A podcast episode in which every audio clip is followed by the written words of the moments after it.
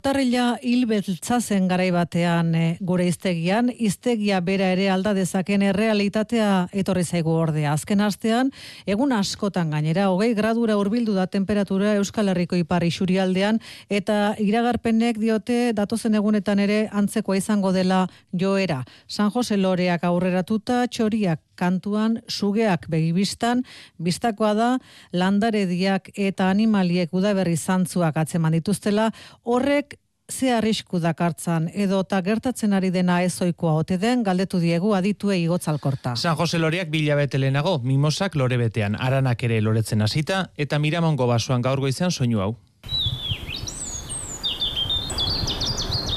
Txori kantuako zen, inguruko baso zela mendi erreparatuta igartzen dira bai udaberri zantzuak. Ikusteko zailauak diren narrastietan ere, urtarrilan azaldu den sugeko puruak arrituta dauka arantzadiko erpetologia saia, inaki zantzazkue biologoa eta arantzadiko kidea.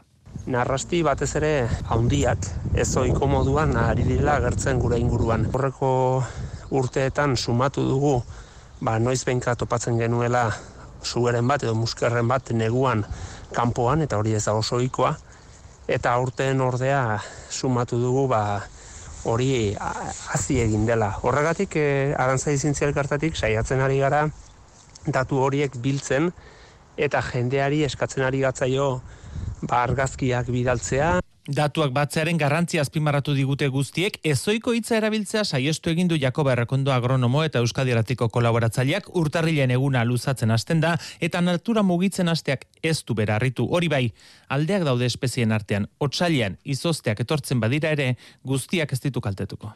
E, arriskua beti, ez bain baina aurreneko musikak eta aranak ere lore, lore batzukin ikusi ditun lengo hastiontan, Eta oik ba izotz eh, desente bat etortzea lima da, ba sufritu dute. Horratikan berez hemengoak dian landariak, esango genuke adibidez nabarmenen sagarrondua, askoz beranduago loretuko da, eh? askoz beranduago, eh? normalian apirilian. Eh? Ba ez pare, naiz baina giru hauek egin ez du lore ikateako. Natura orekak ezaugarritzen du eta aldaketa bortitzek oreka hori hautsi dezakete. Kristina Enea Fundazioan egunez egun bildutako datuekin urte osoan parkeak dituen aldaketak dokumentatu dituzte liburu batean.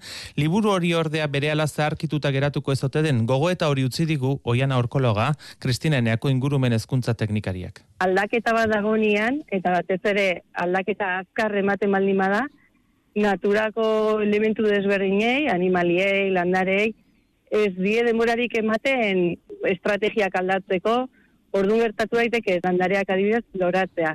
Eta aldi berean gerta daiteke intsektuak oraindik ez mugitzea. Ordu hor ja desoreka bat sortuko litzateke edo eraztiak jaiotzea e, oraindik intsektuak ez daudenean. Zugeek neguko lotaldi laburrak egiteak ugalketan eragina izan dezake sanzazkoeren arabera. Goiz aterako balira neguan ez dakigu horrek energia gastu bat ekarriko dien, eta energia gastu horrek gero beraien ugalketan edo ugalgaraien eraginik izango ote duen. Euskal Herrian horrelakori gertatzen ari ote den jakiteko datuak falta dira, biodibertsitatea alor guztietan aztertuko duen zentru bateratu baten falta ere ipatu digute adituek, sistema berbera erabilita urtez urte datuak jasoko dituen zentru bakar bat ez dugula legia. Bistan dena maite, joare hotzen beharri gabe, ernatu dela udaberria hilbeltzean. Horixe biztan dela, ordu bitardiak jo berriak.